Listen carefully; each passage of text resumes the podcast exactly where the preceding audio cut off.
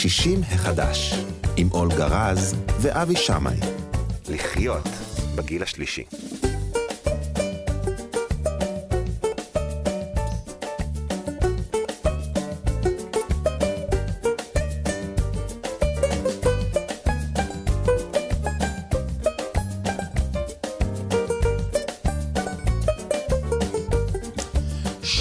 שלום, תודה שבאתם. אנחנו שישי מחדש בכאן תרבות, ב-104.9 FM, גם ב-105.3 FM.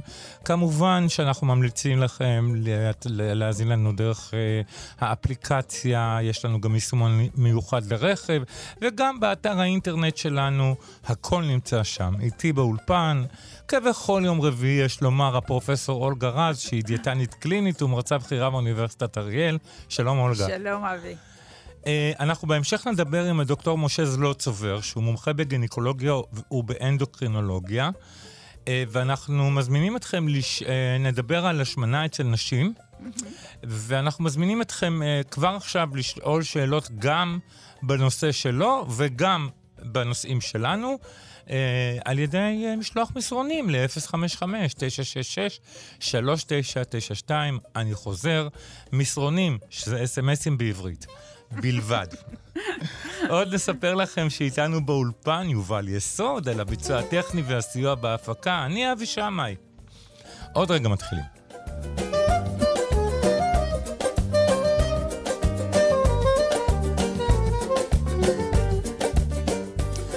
יופי, יופי. אני פשוט אוהב את המנגינה של האות שלנו. מנגינה מקסימה, עושה אנרגיה, אני לא יודעת. אולגה, איך עבר השבוע? לא יודעת, זה היה שבוע עייף. אני לא יודעת, גם אני שומעת שאנשים מתלוננים על עייפות וזה וזה, משהו במזג האוויר. אני חושב שהעייפות בעיקר פיזית. פיזית, לא, לא, פיזית. העייפות היא בעיקר מנסיבות נפשיות. אנחנו כולנו... תפסיק, מה זה מנסיבות נפשיות? אין לי שום נסיבות נפשיות. אני אומר לך שאני מרגיש עייף כאילו שיום שישי, לא חמישי. ויום שישי אני אהיה פה גם. אבל לא משנה, היה אירוע קשה. זה אה, נכון, אה, שכולנו נכון. איכשהו עברנו אותו, חלקנו יצאנו מדעתנו, חלקנו נשארנו לא. עצובים, אבל זה המצב. נכון, יש, יש, אה, היו אירועים. היו ו... אירועים ש, וגם, שתפסו אותנו, ואין מה לעשות. גם עכשיו כל העניין הפוליטי הוא מאוד מעיק. כן. את יודעת. טוב, לא נדבר. נדבר על דברים אחרים. אנחנו נדבר על הנושא שלנו בכיף. פה לא תשמעו פוליטיקה, לא תשמעו לא. אסונות, תשמעו בריאות. אנחנו נחזור לשאלות שהיו בשבוע שעבר. מצוין. בייחוד לגברת ששאלה על נכדתה בת השבע. ועכשיו אנחנו מתחילים כהרגלנו עם מחקרים. אה, נתחיל עם מחקרים? אוקיי, בסדר, אין בעיה. אנחנו מתחילים עם מחקרים, אחר כך נעשה שאלות. אתה אומר, נהיה עקביים כל פעם. כן. אוקיי. יש כמה דברים נחמדים, יש כמה דברים שכשאני אומרת שלקרוא מאמר, זה לא סתם לקרוא את זה, וצריכים להבין מה קורה שם, בגלל שיש מאמר אחד בעד ומאמר אחד נגד. זה נורא, נורא מעניין וצריכים לדעת מה, איך לבחור, אבל לא, נדבר עכשיו על משהו אחר. יש פה uh, ב-Nature Communications, יש, uh, כתבו שאנשים שדיווחו, 8,000 אנשים שדיווחו שבגילאים 50 פלוס ישנו פחות משש שעות, הסיכון שלהם uh, לדמנציה בשנים יותר מאוחרות פי 30 פי 1.3, 30 אחוז יותר מאשר אנשים שישנו שבע שעות ב... זאת אומרת שאנשים צריכים לישון שבע שעות, שעות ב- בלילה. גם בסדר, כן. גם שמונה, עכשיו אם אני מחלק את זה לשלוש שעות במשך היום ועוד לא. שש שעות, לא, לא צריך בלילה. רצוף? כי בלילה מתרחש... תראי, אנחנו אה, חיות אה, אה, ציקליות. אוקיי. Okay. כמו שנגיד עכברים חיים ב- ב- בלילה ונחים ביום, אנחנו אנחנו ערנים ביום, אנחנו פעילים ביום וישנים בלילה. בלילה. מה זה אומר שאנ- שאנחנו ציקלים? זה mm-hmm. אומר שבלילה מתרחשים תהליכים. אני כבר לא מדברת על המוח ועל על כל מה שקורה שם. Mm-hmm. אני מדברת על הורמונים, אינסולין, גרילין, ליפטין, ההורמונים של בלוטת התריס. גרוס הורמון, הורמון גדילה אה, שהרמה שלו גבוהה יותר בלילה. אם אנחנו לא מנצלים את הלילה הזה בשביל הפעילות הזאת, אנחנו בעצם גורמים לנזקים. עכשיו, אצל ילדים זה מאוד חשוב, הגרוס הורמון הוא בלילה, מהמם. ואם הם לא ישנים, כמו שהילדים שלנו לא ישנים בחופשים, ועכשיו שנה שלמה, לא, מי יודע איך הם ישנו, אז אנחנו בעצם... אה, אני אגיד לך איך הם ישנו. הם הפכו את היום ללילה. נכון, הם נכון. רובם היו ערים מול מסכי כן. המחשבים והמשחקים עד שלוש, ארבע, חמש נכון, לפנות בוקר. ואז ישנו עד שאמא באה מהעבודה. אז אני מקווה שזה לא יפגע בגדילה שלהם, אבל צריכים להבין ששנת לילה זה משהו שנמצא בתוך הטבע שלנו. אה, למשל, אני אתן לך דוגמה. יש, אה, יש הורמון שנקרא luteinizing hormone, ה-LH, שהוא מופרש כשאישה צריכה להניק, אבל הוא, הוא גם ישנו בכמות מסוימת לכולם, גם לנשים וגם לגברים. מהמם. והוא מתחיל, הרמה שלו מתחילה לעלות לקראת הבוקר. ולכן בן אדם, או אישה או גבר, לא משנה, שהולכים לעשות את הבדיקה הזאת בשבע בבוקר, יש סבירות שהבדיקה תהיה גבוהה. וזה לא אוקיי. משקף את המצב, צריכים לדעת מתי לעשות את הבדיקה הזאת. הבדיקה. הזאת צריכה לעשות אחרי שעה עשר. זאת אומרת, יש לנו כל הזמן את הציקליות הזאת, ולכן שינה זה דבר מאוד מאוד משמעותי. זהו. אז אני רושם לעצמי פה לישון לפחות שבע שעות שבע, בלילה. שבע, שמונה שעות, לא יותר. לא יותר גם. לא.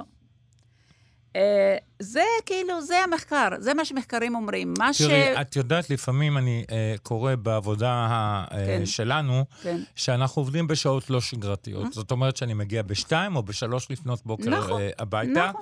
ואז אנחנו צריכים להוריד קצת את ה...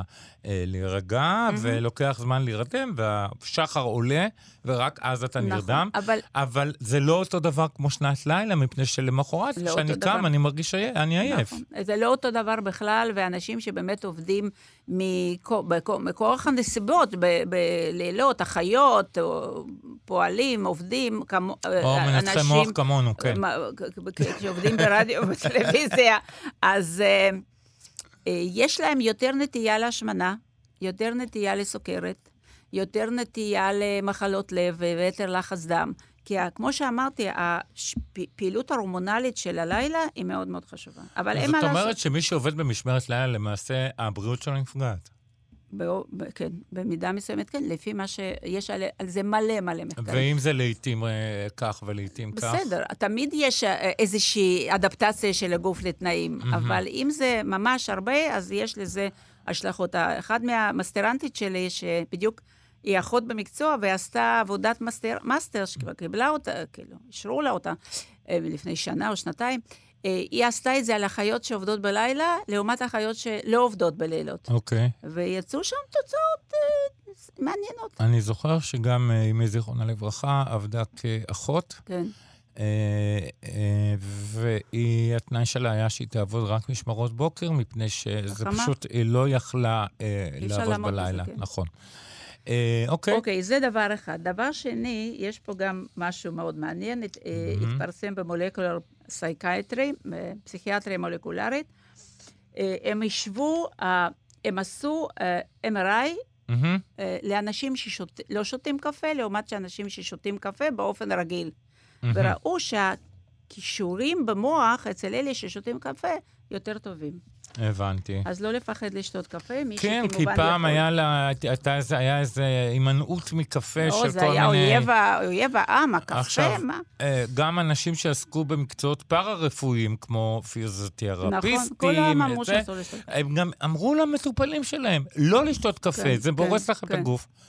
וזה איזה ממש מזל לא שזה נכון. מותר. אבל מה שאני רוצה להגיד לך, זה בדיוק זה. זה לא מה אתם אומרים פעם אחת ככה ופעם אחת ככה. זה התקדמות המדע. ברגע שמדע מתקדם, אז אנחנו באמת יודעים יותר. אז, אפשר, אז זה יוצא אחרת ממה ש... אותו דבר עם ביצים וכולסטרול. נכון. כאילו, ויש עוד, עוד הרבה דוגמאות, אבל uh, צריכים, uh, צריכים להקשיב וצריכים להבין מה קורה בעולם. אוקיי, עכשיו, מחקר מאוד מעניין, mm-hmm. מאוד אהבתי אותו, והוא חשוב, הוא נעשה בדנמרק, והם לקחו uh, אוכלוסייה של 50 אלף איש מאיזשהו מחקר שרץ שם כבר הרבה שנים, 23 שנה, ובדקו uh, צורת האכילה שלהם, מהמם. ומה שהם מצאו, וכבר דיברנו על זה, אבל אני רוצה לדבר עוד, עוד פעם. אנשים שאוכלים לפחות, לא לפחות, כוס, יותר מכוס זה כבר, לא- זה, זה כבר לא משנה. כוס של עלים ירוקים ביום, כן. שזה עלי סלק, טרת, קייל, כל מיני דברים ירוקים עליים. מהמם. אה, יש להם ירידה בסיכון לכל סוגי מחלות לב וסטרוק, אוקיי? למה? ועכשיו זה יהיה הקטע, כבר דיברנו על זה פעם אחת, אבל אני מדברת. אנחנו כולנו שמענו, שמענו על ניטריטים ניטרטים, כמה זה רע, מהמם. אוקיי? אז אה, אולי זה רק שמוסיפים אותם לבשר מעובד, הבנתי, אבל עלים ירוקים זה מקור הכי עשיר בניטריטים. הבנתי. בגלל והניטריטים... זה קוראים לקייל סופר פוד. זה כל, כל, כולם super food. אוקיי. כל מה שאפשר לאכול זה super food. כל מה שאפשר להוסיף בכפית ליוגורט זה תוספת. זה אי אפשר הבנתי. לקרוא לזה super food, כי זה לא הבנתי, food. הבנתי. ביצים זה גם super food, בסדר? אז אה, אחוז. אוקיי. אז אה, זה די מדהים. כי הניטריטים האלה, באופן עקרוני, אני יכולה להסביר את זה, הניטריטים אה, הם אה, חומר מוצא למה שאנחנו קוראים NO, nitric oxide, שהוא מאוד מאוד חשוב אה, להרחבת כלי הדם, למשל.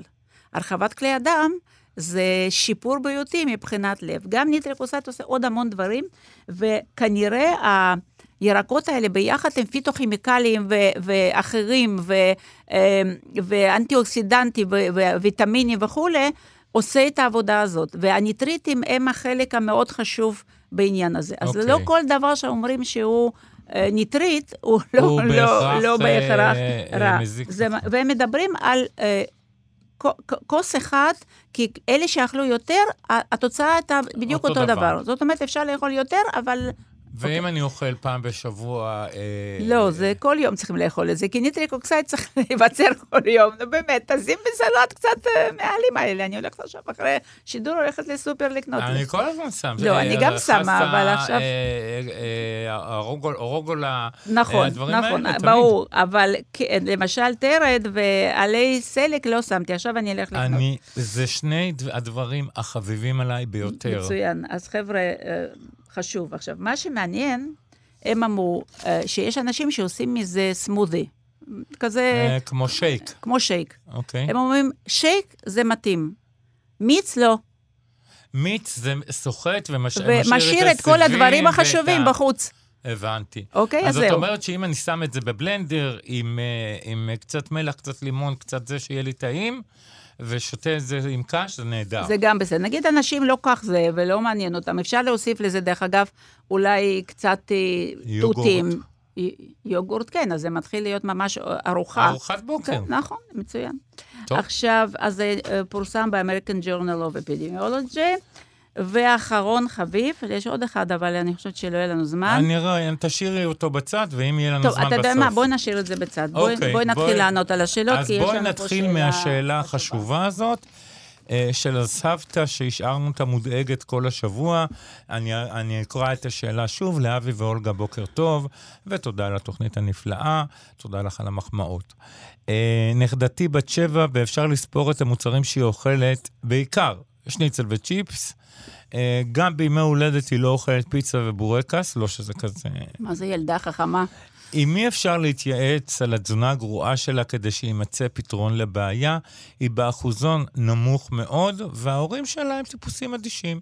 אוקיי, הבנתי. אחוזון משקל זה לא הכל, צריכים להשוות אותו עם אחוזון גובה. אוקיי. אם היא בשני אחוזונים נמוך, אז היא בינתיים ילדה קטנה. אז אה, היא במבנה גוף צר ובגובה מתאים. מה שחשוב בילדים, שהגובה ומשקל יהיו בהתאמה. אם הם בהתאמה, אז הכל בסדר, יש כל מיני ילדים. אבל אם הם לא בהתאמה, אז אפשר להתחיל לדאוג. עכשיו ככה, סבתא אומרת אה, על תזונה גרועה. מה זה תזונה גרועה? שניצל וצ'יפס זה חלבון ופחמימה, זה מה שצריך לקחת לארוחת ואיפה צהריים. ירקות? רגע, היא לא סיפרה לנו מה היא אוכלת בבוקר, מה היא אוכלת בבית ספר, מה היא אוכלת בערב. זה לא יכול להיות שילדה לכל היום אוכלת רק שניצל וצ'יפס. תקשיבי, יש לי אחות שקטנה ממני, נו. ולדעתי במשך אה, שש-שש שנים הראשונות לחייה, ראיתי אותה אוכלת רק פרוסות עם שוקולד השחר. פרוסות כל היום? עם שוקולד השחר כל היום. זה מה- זה ממש חבל. וסירוב מוחלט לטעום שום דבר, שום דבר אחר. הבנתי. היום היא אוכלת יופי. הבנתי, אז זה, זה נכון, זה גם משתנה, אבל מה שאני אומרת, אם רוצים לדעת בדיוק מה, מה התזונה של ילד, צריכים לרשום כל מה שהוא אוכל. מהמם. לרשום את כל מה שהוא אוכל, סבתא, מהמם. וללכת לתזונאית של ילדים, ולהראות לה את זה. ויכול להיות שהיא תגיד לה, תקשיבי, במשך היום היא אוכלת את מה שהיא צריכה. אוקיי. זה דבר, דבר ראשון. דבר שני, אז לכן זה יכול להיות יותר דאגה של סבתא, שגם בטח לא גרה עם הילדה ביחד, אז היא לא יודעת בדיוק מה היא אוכלת. אני חוץ מניח משניצל וצ'יפס. כשסבתא באה אז היא והיא רואה שזה מה שהילדה אוכלת, אז אה, זה מדאיג אותה. נכון, יכול וכשהיא להיות רואה שהנכדה שלה רזה, והוא- ואולי נמוכה, ובאחוזון, היא אולי מתארת לעצמה שיש. קשר, והיא זה- דואגת. זה לא, זה לא כל התמונה. יש, למשל, אה, אה, אה, צריכים להשוות את הגדילה של הילדה כן. לגדילה של ההורים. יש, יש אנשים שעד גיל מסוים הם מאוד נמוכים ורזים, ומעל גיל ההתבגרות, למשל, זה היה איתי. הייתי ש- אחרונה, כמעט אחרונה ב, בספורט, עובדים לפי הגובה, כן. ובגיל 14, כשחזרתי מחופשת קיץ, נהייתי שני, אה, אה, ש, אה, שנייה מצד השני, גבהתי. תשמעי, אז אצלי זה- היה עוד יותר גרוע. אני נו. בכיתה, אה, בכיתה ב', פתאום התחלתי לגדול. הייתי הילד הכי. רזה והכי קטן שיכול להיות. כן, ועכשיו, מי שלא מכ- מכיר אותי, אני איש גדול, ממש. גבוה. גבוה, יפה. רחב, זה, זה, רק בשביל זה באתי לעבודה. אה, ובכיתה ב' פתאום התחלתי, נתתי בוסט של אה, זה, ולקחו אותי לבית חולים, נכון. למחלקה אנדוקרינולוגית, נכון, נכון. עשו לי צילום כף יד, נכון. בדקו כי זה מוקדם, זה בא. זה מוקדם, זה כאילו גדילה מוקדמת. בדרך כלל זה מתחיל בגיל 12, 13, 14, 15 אצל בכיתה בנים. ב' כבר הייתי בסדר. כמו הילדים בכיתה ח'. הבנתי, בסדר. אז כל אחד גדל בצורה אח- אחרת. אני פשוט רוצה להרגיע את סבתא ולדעת למי לפנות, להגיד לה למי לפנות. בבקשה. לכתוב את כל מה שילדה אוכלת ולהזמין תור לדיאטנית של ילדים, אבל מי שצריך לעשות את זה זה הורים של הילדה ולא הסבתא. יש דיאטנית? יש דיאטניות של ילדים, בוודאי. שמתמחות בתזונת ילדים. אני למשל לא מתמחה בתזונת ילדים. אוקיי. אז אה, אם יש איזה מקרה כזה, אני אשלח אותה לדיאטנית שמתמחה בילדים, אוקיי? אוקיי. אז זה דבר אחד. בנוסף לכך, אני רוצה להוסיף שאכן יש ילדים שמאוד בררנים באוכל. זה נקרא אה, אה, אכילה בררנית, או פיקי איטינג באנגלית, מהמם. וזה יכולה להיות בעיה. אוקיי. כי אה, הם אוכלים משהו מאוד מאוד ספציפי, נגיד שניים, שלושה פריטים בלבד, ולפעמים הפריטים האלה הם דווקא בורקס ודווקא דברים כאלה, ושם צריכים לבדוק מה, מה, מה זה, האם זה נכון שזה פיקי איטינג, האם זה אה, מסכן את הילד, ולזה יש גם כן רופאים שהם מתמחים בהתפתחות הילד, וצריכים ללכת לשם. ילדים שמרגלים אותם מגיל צעיר לאכול הכל, זאת אומרת, אני, אני רואה שבגיל חצי שנה אה, אנשים כבר נותנים נותנים לילד הרבה, אה, כן. זה. אז זה, זה יכול להיות שגם הם יגדלו להיות פיקי איטרס ויאכלו זה, רק... אה, זה סוג של בעיה, של בעיה, של בעיה, ולכן הם יכולים לאכול בגיל שישה חודשים דברים אולי, אבל בגיל שהם יותר מתבגרים, הם לא יאכלו שום דבר חוץ משלושה, ארבעה פריטים הבנתי. בלבד. זה מתחיל להיות בעיה, ולכן צריכים לקחת אותה למומחה להתפתחות הילד. אני מבין. 60 החדש. אולגה, כן. אה, בואי נמשיך עם המחקר, ואנחנו אה, עם שני המחקרים שעזבנו. אה, כי אנשים מתעצלים לשלוח לנו שאלות, או שהם לא עוד לא. התעוררו. לא, יש לנו כמה שאלות, ותכף אנחנו נדבר עליהן. אוקיי. אז יש פה מחקר מאוד אה, ככה שהפתיע אותי, ו... אם משהו מחקר- הפתיע אותך, אנחנו חייבים כן, לדבר עליו. כן. זה מחקר מאוד גדול, זה מטה-אנליזה, שהם לקחו אה, בג'אמה Network Open, הם- פרסמו את זה. שוב, זה מחקר אחד, צריכים עוד לחשוב, לראות מה מחקרים אחרים אומרים, אבל אה, מה שהם עשו, הם לקחו אה, מחקרים אה, מקוקריין. קוקריין אה, זה מקום שיש רק מחקר, זה ספריית מחקרים רק באיכות טובה.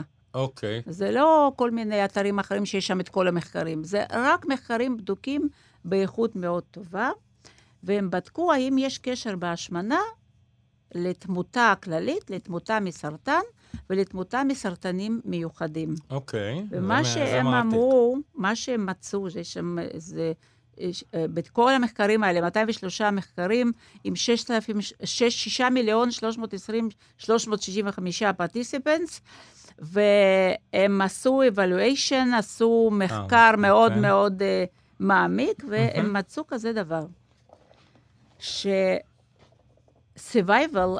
ההישרדות כללית. אה, ומסוגי סרטן אה, שונים. נמוכה יותר אצל אנשים שמנים, כמו שאנחנו כבר שמענו ויודעים, אבל אנשים שסובלים מסרטן ריאות ומלנומה, מהמם. שם דווקא ההשמנה היא מעלה את הסיכוי, סיכוי ההישרדות. לשרוד? למה? כן. זה- למה זה דווקא הם בסרטנים לא האלה? כל כך מסבירים את זה, אבל אני חושבת שבגלל, אני לא יודעת איך מלנומה, אבל סרטן ריאות זה סרטן מאוד קטלני, הוא גורם לאנשים לרדת במשקל בצורה מאוד מאוד משמעותית, מהמם. וכנראה להגיע למשקלים אז מאוד... יכול להיות שמי שיש לו עודף... עוד, אז יכול להיות אה, שיש... זה אוקיי, מה שיצא. יכול אני לא. יכולה לפרשן את זה, כי אני לא יודעת. וגם הם לא נותנים גם הם הסבר לא, במחקר. לא נותנים זה. הם, כותבים עובדות שיצא להם מהמחקר, לכן אמרתי, הופתעתי. ויש סוגי סרטן נוספים שאין שינוי בין... אה, לא. לא? לא, יש כאלה, אה, יש כאלה שכן. בואי נחזור רגע לעניין הזה שהשמנה גורמת בגוף לתהליכים אה, דלקתיים, שחלקם נכון. בסוף אה, מתפתחים, מתפתחים, למחלות אה, אה, עוז- קשות. עוזרים, ל- עוזרים. עוזרים למחלות קשות להיפתח. מהמם. מה שאני רוצה, ברסט קאנסר, שד, מעי הגס, שלפוחית, סליחה, אה, אה, רחם, כן. שם ממש היה ממש ממש השפעה שלילית של השמנה להישרדות.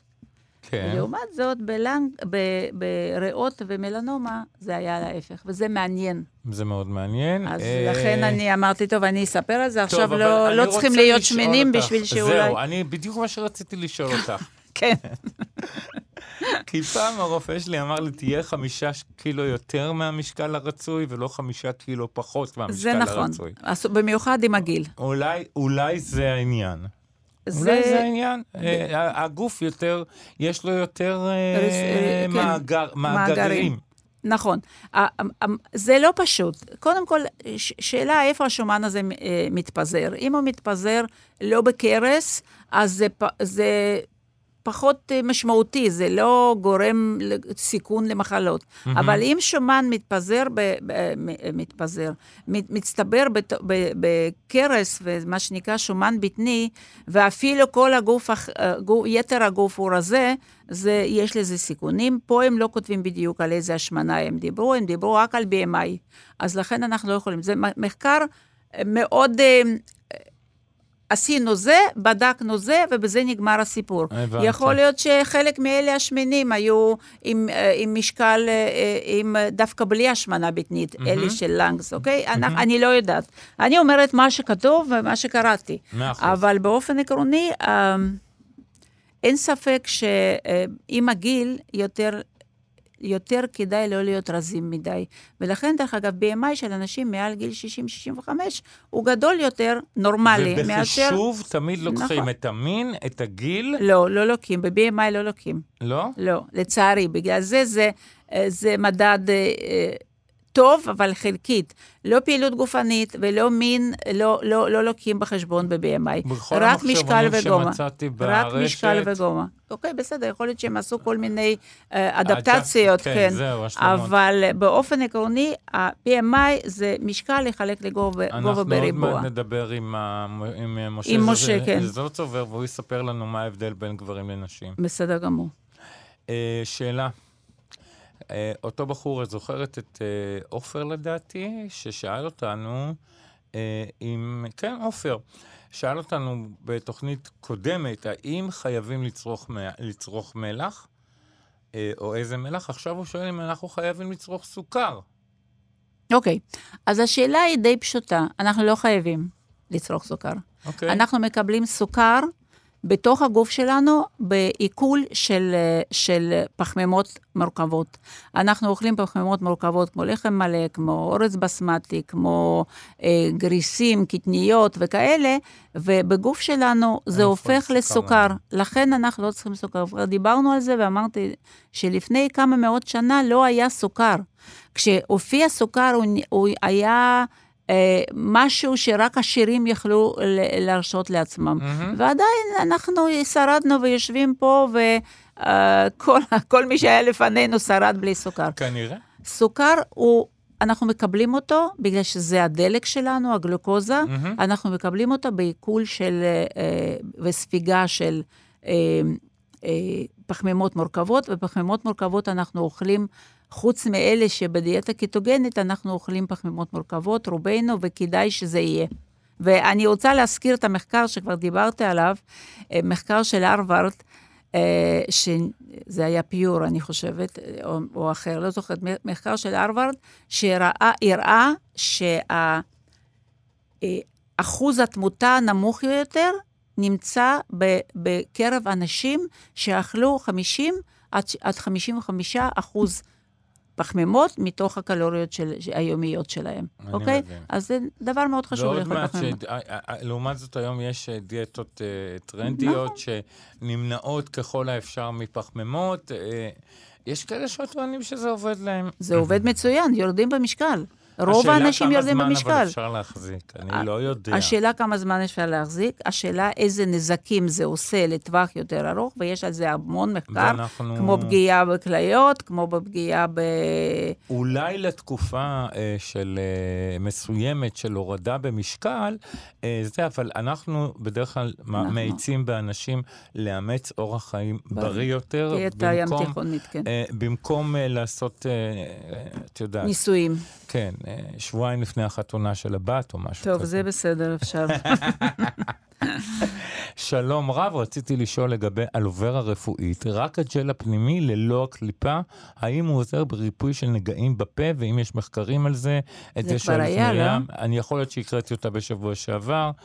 אה, אני לא יודע, אפשר ככה, את יודעת, אלוברה גודל... אלוברה שלנו, תראי, כמו שאמרתי, צמחים זה מקור להרבה מאוד דברים טובים. גם יש צמחים רעילים, זה נכון, אבל אלוברה היא לא רעילה, אפשר לנסות, אם זה עובד טוב, אם זה עובד, לא עובד, אז לא עובד, לא okay. אוקיי. עשינו שום דבר נזק. אני, כמה שאני יודעת, אני לא מומחית לאלוברה, על כמה שאני קראתי ויודעת, שאלוברה שממנה עושים תכשירים, היא לא גדלה בארץ, היא גדלה איפשהו בדרום אמריקה נכון, או משהו כזה, נכון. ושם יש באמת מרכיבים... אבל יש הר... גם בנגב uh, גידולים של אלוברה. אוקיי, ו... אם זה uh, אותה אלוברה של... שעוזרת, עוזרת, אבל תראי, כשאני הייתי קטנה, אני זוכרת שאימא שלי, uh, היה איזה פצע או משהו, הייתה אומרת, תחתכי את האלוברה, כן. את עלה ותשימי. אז uh, אני לא יודעת, אבל באופן עקרוני, uh, מה שאני אני יודעת... אני רואה שנשארת בחיים וכל האצבעות במקום, אז הכל בסדר. נשארתי, נשארתי בחיים, בטח. Uh, אוקיי, uh, בואי נדבר ככה, שלום לאבי ולאולגה. התוכנית שלכם מעניינת וחשובה, תודה רבה לך. או לך, האם פעילות גופנית משפיעה על הכולסטרול, ואם כן, איזה סוג של פעילות? אוקיי. Okay. אה, לפני ככה וככה שנים דיברו המון על זה שפעילות אירובית מעלה את ה-HDL, את הכולסטרול הטוב, הטוב, מה שנקרא. נכון. Uh, בזמן האחרון קצת אה, זה ירד, אבל uh, ללא ספק פעילות גופנית משפרת את רמת הכולסטרול הכללית. כן.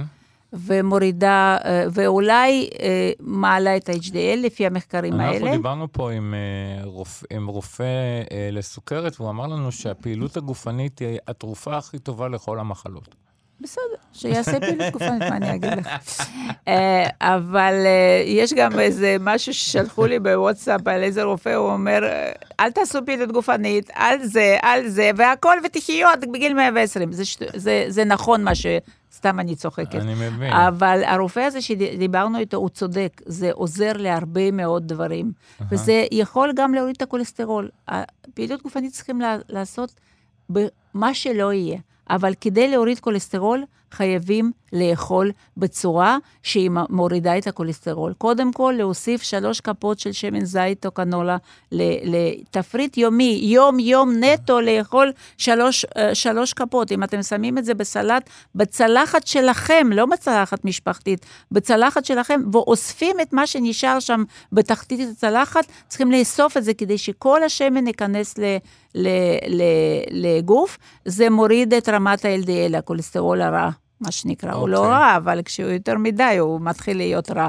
Uh, צריך uh, למנוע מכך, משומן מן החי, צריך למנוע משומן טראנס, צריך למנוע מכל המוצרים שמכילים חמאה או שמנת קצפת. זאת אומרת, יש ממש ממש עקרונות של דיאטה להורדת כולסטרול.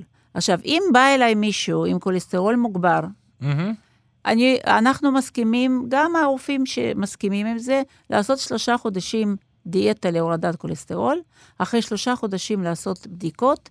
אם הייתה ירידה משמעותית בכולסטרול, אפשר להישאר עם, עם, עם הדיאטה, ואם לא, צריכים לקחת תרופה. אני מבין, יש פה עוד שאלה, רגע, איפה זה? אה, על המילה נמיד, את הזכרת אותו כמה פעמים, זה מצוי בתפוח אדמה. הוא מנסה להשיג ולא מצליח. הוא לא, הוא לא מצוי בתפוח אדמה, דווקא בתפוח אדמה אין המילה אז דמית. אז בואי, תראי, הוא מנסה להשיג תכשיר של המילה נמיד. לא, יש לא, דבר לא כזה? לא ראיתי, לא, לא ראיתי. אז מאיפה משיגים? זה בחו"ל, משתמשים בזה הרבה. ובאיזה מזונות יש בזה בכמות גדולות? הוא נמצא ככה, הוא נמצא בכמות מאוד טובה בקמח דורום. קמח דורום זה קמח אה, מסוגים מסוימים שנספגים הרבה יותר לאט בגלל המלנמיד שנמצא, וכל המוצרים ממנו, שזה אה, פסטה מקמח דורום, יש שם מלנמיד. המלנמיד נמצא באורז בסמטי. Okay. אוקיי. המלנמיד נמצא בקטניות. אוקיי. Okay. Uh, אלה שלושת הדברים העיקריים ששם נמצא המלנמיד. הוא נמצא גם בכל מיני דברים אחרים, קצת, ב, קצת ב, אולי בבטטה וקצת בדגנים מלאים, אבל אלה שלושת המקורות היותר גדולים של המלנמיד. 60 החדש. רוצים להספיק לשוחח עם, אה, עם האורח שלנו. שלום לדוקטור אה, משה זלוצובר. כמעט אמר... שלום וברכה. כמעט ש... אמרתי פרופסור, פרופסור, אבל... אה, שלום, אני... משה. היי, אולגה, מה שלומכם? מומחה בגינקולוגיה ובאנדוקרינולוגיה מהמכון האנדוקריני בבית החולים רמב"ם בחיפה, ואיתך אנחנו רוצים לדבר על השמנה אצל נשים. אבל אני רוצה לשאול אותך, אתה גם גינקולוג וגם אנדוקרינולוג. איך זה עובד ביחד ולמה צירפת את שניהם? כי חלק גדול מההתמחות בגינקולוגיה היא הורמונים, ואני החלטתי ללכת צעד אחד קדימה ולהתמקצע עוד יותר בנושא של הורמוני מין בכלל והורמונים בפרט אה, שמתעסקים בנושא של הן בהשמנה והן בהורמוני מין בנושא של גיל מעבר וסכרת בהיריון. וככה הגעתי לעשות ממש התמחות ולא רק השתלמות, אלא ממש עם תעודת מומחה, שני מספרי רישיון מומחה, כמו שמקובל היום. אתה יודע, אנחנו מתמקצעים יותר ויותר. אז רגע, שתי תעודות מומחה, מבחינתי אתה פרופסור. תודה, תודה. עוד לא הרגתי מספיק עכברים להיות פרופסור, גם זה יגיע. אה, אנחנו פשוט מכירים הרבה שנים, ולכן אני מרשה לעצמי קצת ככה להתבדח. גילוי נאות. גילוי נאות. אה, בוא תגיד לי למה נשים משמינות יותר מגברים. תראה, חילוף החומרים בין שני המינים שונה. ככלל, בנשים מסת השריר יותר קטנה ומסת השומן יותר, יותר גדולה. ומה שקובע את חילוף החומרים זה מסת שריר. וככל שיש לנו יותר מסת שריר, חילוף החומרים עולה. קרי, ופועל יוצא, שאם גבר או אישה רוצים לרדת במשקל, קשה מאוד לרדת במשקל בלי להעלות את מסת השריר. Mm-hmm. כלומר, להעלות את חילוף החומרים. Mm-hmm. אחת הבעיות, וכבר אני אלך איתך צעד אחד קדימה, שכשאנשים יורדים במשקל, הם יורדים 50% בערך בשומן ו-50% בשריר. וזה לא טוב, לכן הם צריכים לעשות לא פעילות טוב. גופנית נכון, כדי... נכון, בעיקר אנאירובית, להעלות את מסת השריר. התנגדות, אימוני כוח. כוח, נכון, כוח. כי, כי כשאתה יורד במשקל ומפסיד מסת שריר, אחרי זה כשעולים, עולים נטו שומן. שומן, ואז אומרים okay. אוקיי. כולם, חילוף החומרים שלי יורד, אבל הוא לא ממש יורד, כי פשוט זה פיזיולוגיה, מסת השריר היחסית ירדה. וזאת נקודה שהיא מאוד מאוד חשובה. לכל תוכניות הירידה במשקל. הירידה במשקל, שזה במיוחד ירידה במשקל דרסטית ומהירה, שזה בכלל פוגע בשריר בצורה יותר אה, משמעותית, נכון? חד משמעית.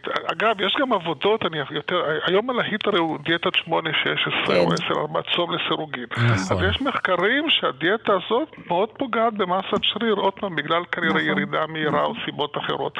ודווקא פה, ואני בהחלט חושב שהדיאטה היא מצוינת, אבל חובה להוסיף עליה את הפעילות הגופנית. כי מי שעושה את זה בלי זה, פתאום אחרי זה מוצא את עצמו שעולה ועולה ועולה. וגם אנשים... אנשים אומרים שאני עייף, אני כאילו מרגיש שאני לא באותה פורמה כמו שהייתי קודם, זה גם שמעתי. עייף ורופס, עייף ורופס. כן, בדיוק. זה מה שהם צועקים, עייף ורופס, ועייף, אה. אגב, זה גם שינויים הורמונליים קצת שישנם מבחינת ירידה בהורמוני מין גבריים, בגלל שרקמת שומן היא רקמה אנדוקרינית, היא הופכת הורמוני מין גבריים לנשים, כלומר היא מעלה את כמות האסטרוגן, ואז יש ירידה ברמות הטסטוסטרון בנשים, אגב, גם בגברים. גם בגברים.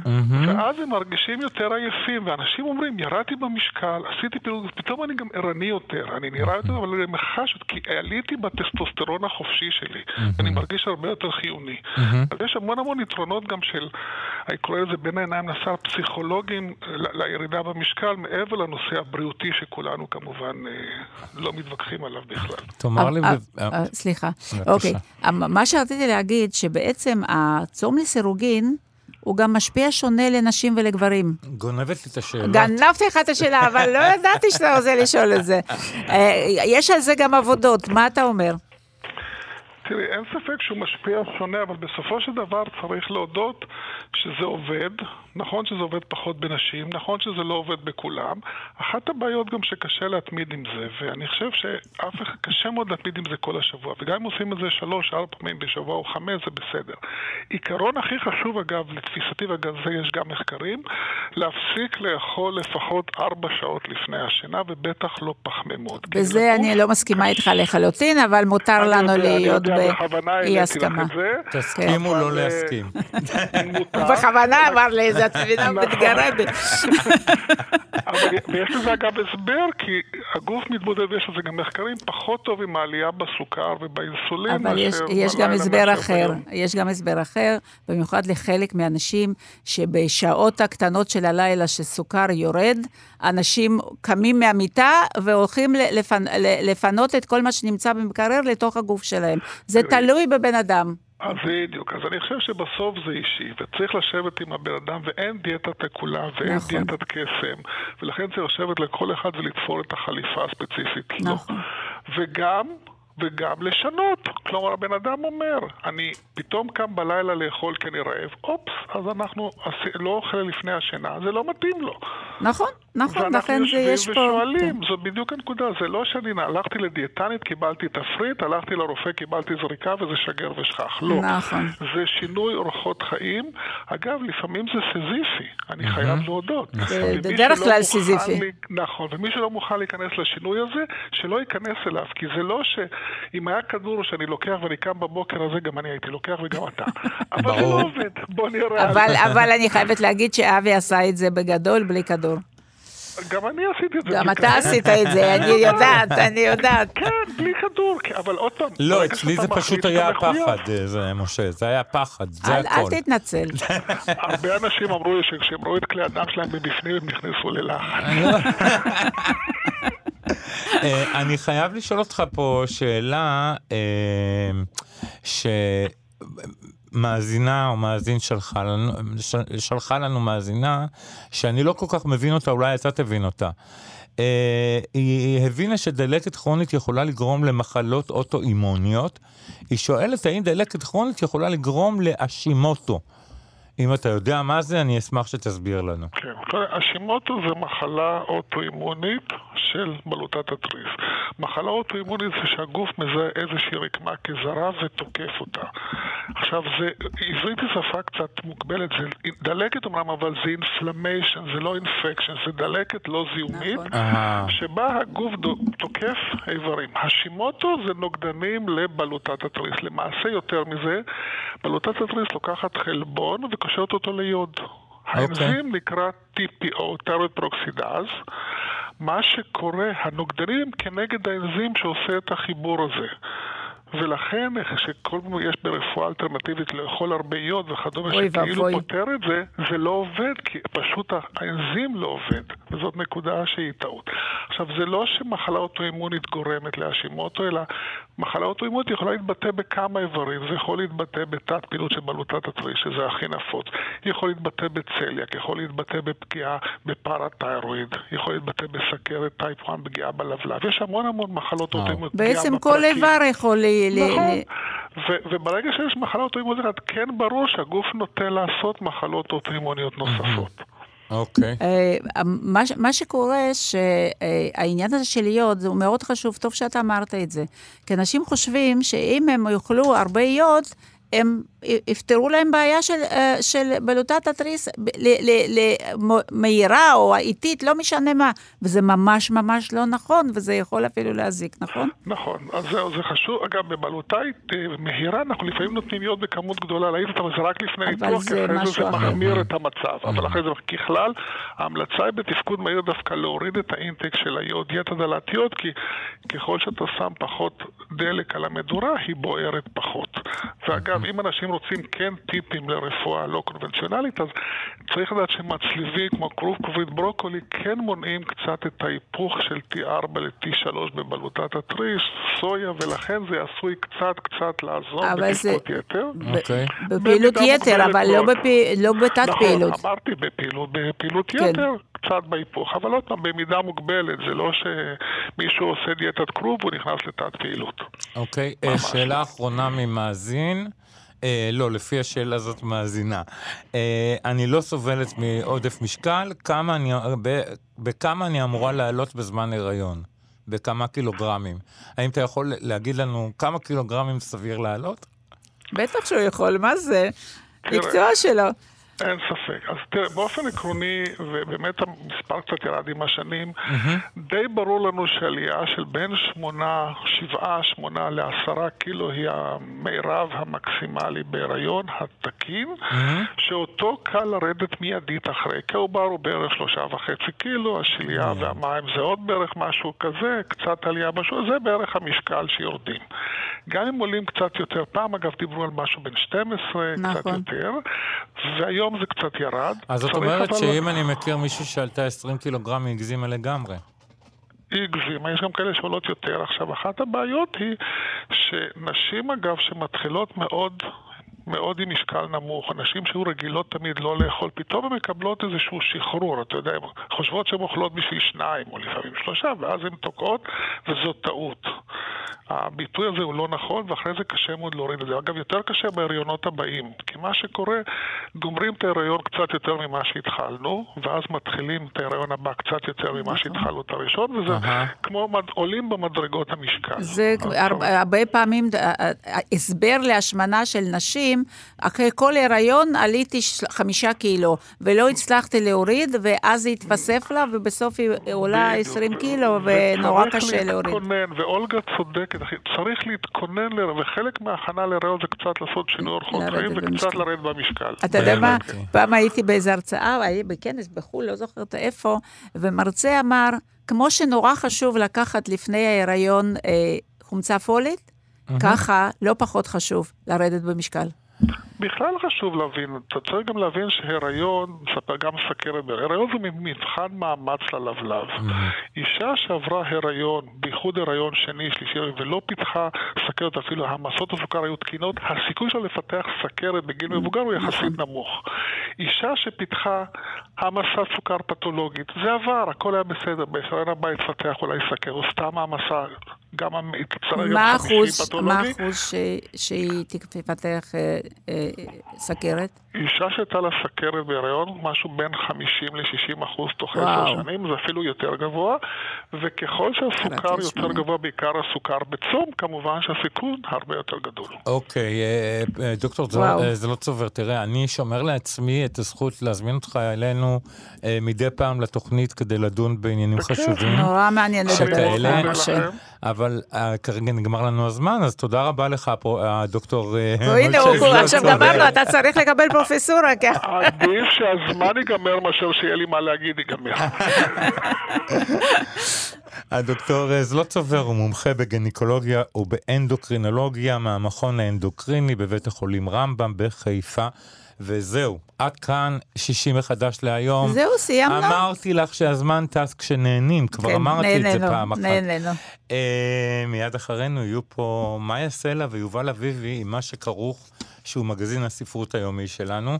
אנחנו נגיד תודה מקרב לב לאולגה רז, לפרופסור אולגה רז, לדוקטור משה זלוטסובר, ליובל יסוד, שבלעדיו שום דבר לא היה קורה פה. אה, ולאבי ש- ולאבי שמאי, שגם בלעדיו זה לא היה קורה. אה, תודה רבה לך. אה, ומי שעוד לא התחסן, לכו להתחסן. אני אבי שמאי, יאללה ביי.